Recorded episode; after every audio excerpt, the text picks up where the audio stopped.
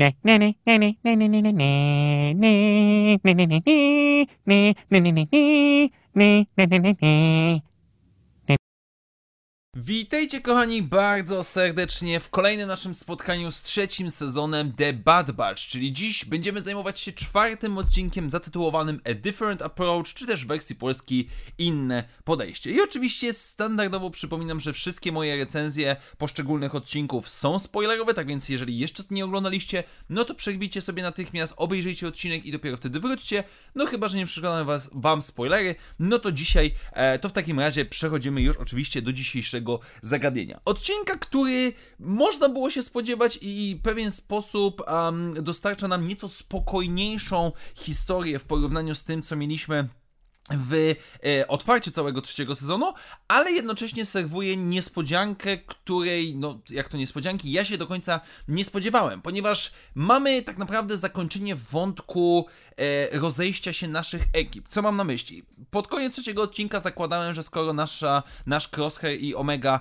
e, wydostają się z, z Wayland, z góry Tantis, natomiast Wrecker i Hunter dostają mniej więcej namiar na to, gdzie oni się znajdują, no to dwie nasze ekipy będą szukały się przez jakiś czas, a tutaj twórcy okazuje się, że już w czwartym odcinku postanowili zamknąć ten temat i skupić się, zakładam, bardziej na relacjach pomiędzy naszymi poszczególnymi bohaterami, no i na planowaniu, nazwijmy to szturmu na górę Tantis. To są oczywiście moje założenia, to nie są jakieś tam um, spoilery czy, czy, czy, czy powiedzmy plotki. Ja zakładam po prostu, że ten sposób to będzie funkcjonowało, co jest zaskakujące, ale też jednocześnie ma sens, biorąc pod uwagę, że mamy do czynienia z finałowym nowym sezonem, że teraz będziemy mieli więcej czasu na dogranie się naszej ekipy, oczywiście z przede wszystkim byłych członków zespołu e, Task Force 99, um, czyli Crosshair versus Hunter i Wrecker, no jak i również Tech za chwilę pewnie i Rex i Omega, która w pewien sposób będzie starała się być jakimś takim pośrednikiem, mediatorem między nich wszystkich.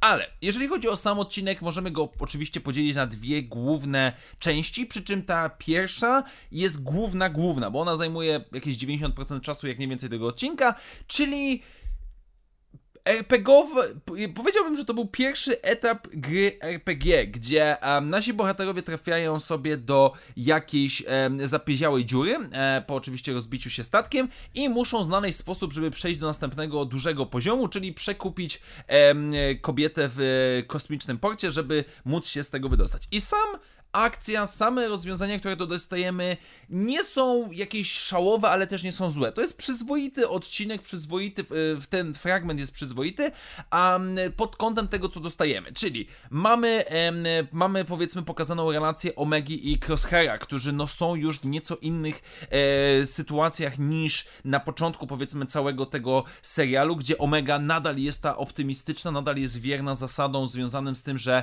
braci się nie traci, psa się nie traci. Um, Crosshair jest bardziej zgorzkniały, bardziej powiedzmy nastawiony negatywnie, nie dlatego, że jest złośliwy, to znaczy częściowo tak, ale częściowo ze względu na to, co przeżył.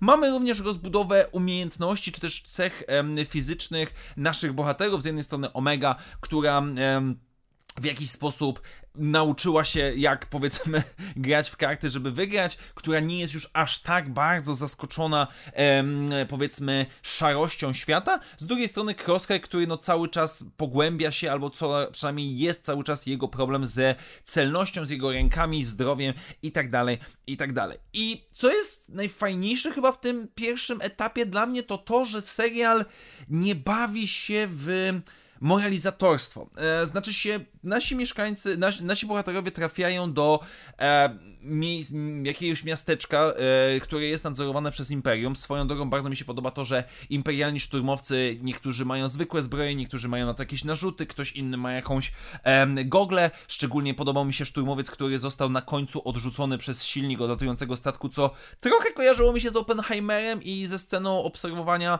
wybuchu bomby atomowej, bo tutaj też nasz szturmowiec ma powiedzmy te gogle.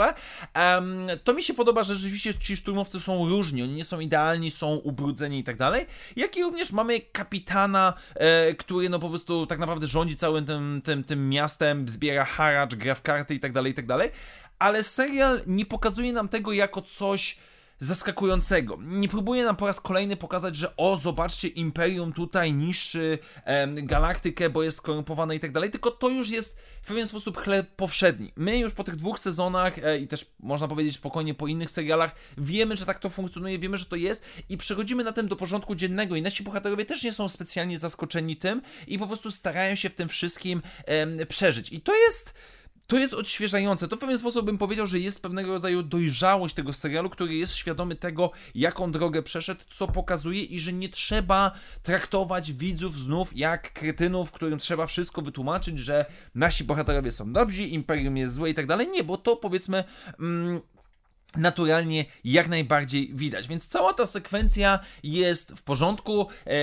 Dodatkowo mamy oczywiście przesłuchanie na lasę przez Hemlocka i znów mamy naprawdę rewelacyjną grę aktorską dwójki aktorów. Z jednej strony ta flegmatyczna, ale poddenerwowana na lasę, z drugiej strony Hemlock, który cały czas trzyma na wodzy powiedzmy swoje nerwy, ale z drugiej strony ale że z drugiej strony e, no, no czuje w pewien sposób to napięcie, ale nie podda się, nie ucieknie powiedzmy od swojej zwierzyny. Więc cała ta sekwencja jest jak najbardziej w porządku, jest pewnego rodzaju przejściówką, nie powiedziałbym absolutnie, że jest jakimś filerem e, czy, czy jakimś zapychaczem, bo nie, bo pokazuje nam naszych bohaterów, no ale potem oczywiście przechodzimy do tej samej końcówki, która po pierwsze jest i tak jak cały odcinek jest, jest jak najbardziej ładny wizualnie, to ta końcówka, kiedy nasi bohaterowie lecą na miejsce spotkania, jest absurdalnie dobra wizualnie. Te, te planety, które nie jestem pewien, czy to są te same planety, co były w pierwszym sezonie, gdzie, em, gdzie mieliśmy odcinki z Herą i, i, gdzie ona przez jakiś tam, jako dzieciak,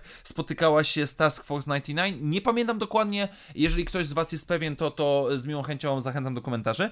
Natomiast jednak te ostatnie półtora, dwie minuty mniej więcej odcinka jest, było dla mnie absolutnie rewelacyjne, bo pokazuje nam, to, co jest najważniejsze w tym serialu. I wiem, że bardzo wiele osób, innych twórców e, na YouTubie czy na Facebooku e, było bardzo podjarane, że w tych pierwszych trzech epizodach tego sezonu e, dostaliśmy powiązania z Palpatinem, tak? Dostaliśmy projekt Necromancer, dostaliśmy całe tam powiedzmy mili chloriany i tak dalej.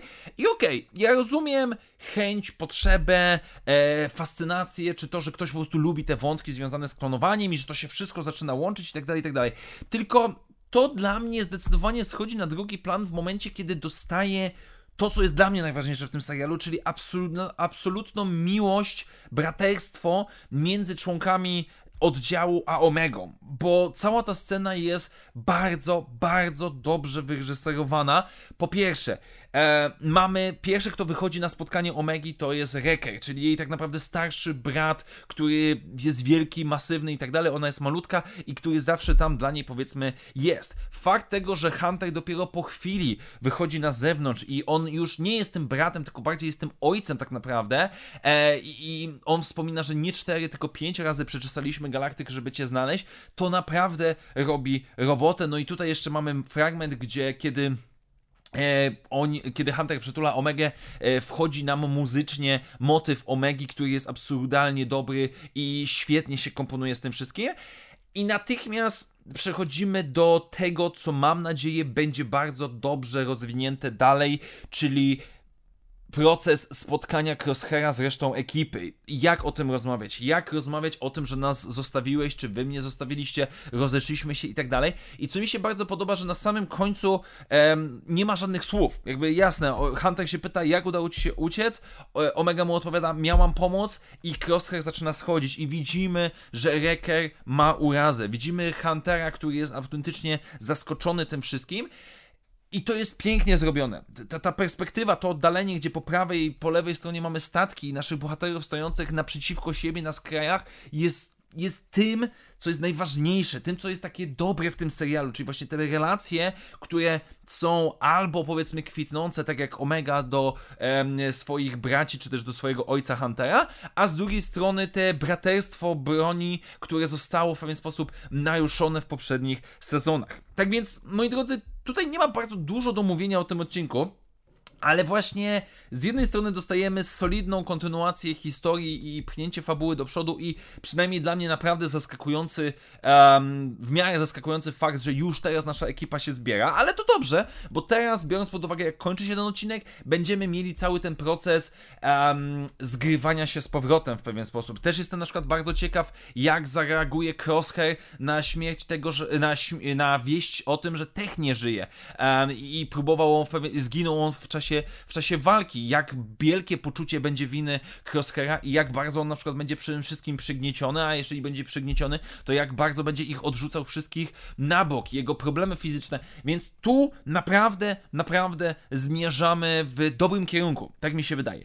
I jeszcze mała uwaga, bo przy poprzednich odcinkach e, zapomniałem o tym e, wspomnieć, a wydaje mi się, że chyba e, usunąłem to gdzieś powiedzmy ze swoich notatek, które mam, ponieważ chciałem, tak jak przy poprzednich sezonach chciałbym przypomnieć wszystkim, żeby doceniać twórców tego serialu. I ja wiem, że wiele osób zakłada, że jak mówię o twórcy, to mówię o Dave'ie Filonim. Nie, mówię o konkretnych scenarzystach, reżyserach, czy też osobach odpowiedzialnych za historię. E, tak jak w tym przypadku reżyseria Saul Ruiz, który, który był, e, pomagał przy poprzednich odcinkach, napisane, e, odcinek napisany przez Ezra Nanchman, a story editor to Matt Michnowec, który w poprzednich odcinkach również robił różne zadania. I naprawdę doceniajmy tych ludzi, bo to oni tak naprawdę są odpowiedzialni za to, jak finalnie te odcinki wychodzą.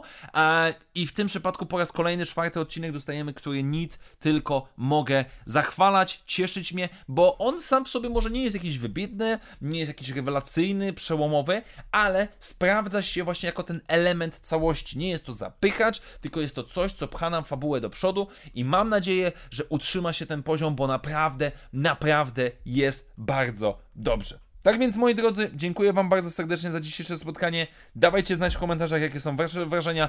I standardowo przypominam, że jeżeli lubicie to, co robię na kanale, możecie wesprzeć moją działalność, stawiając mi wirtualną kawę, do której link znajdziecie w opisie tego materiału. Jeszcze raz wielkie dzięki, do usłyszenia w następnych materiałach i jak zawsze, niech moc będzie z Wami. Na razie, cześć!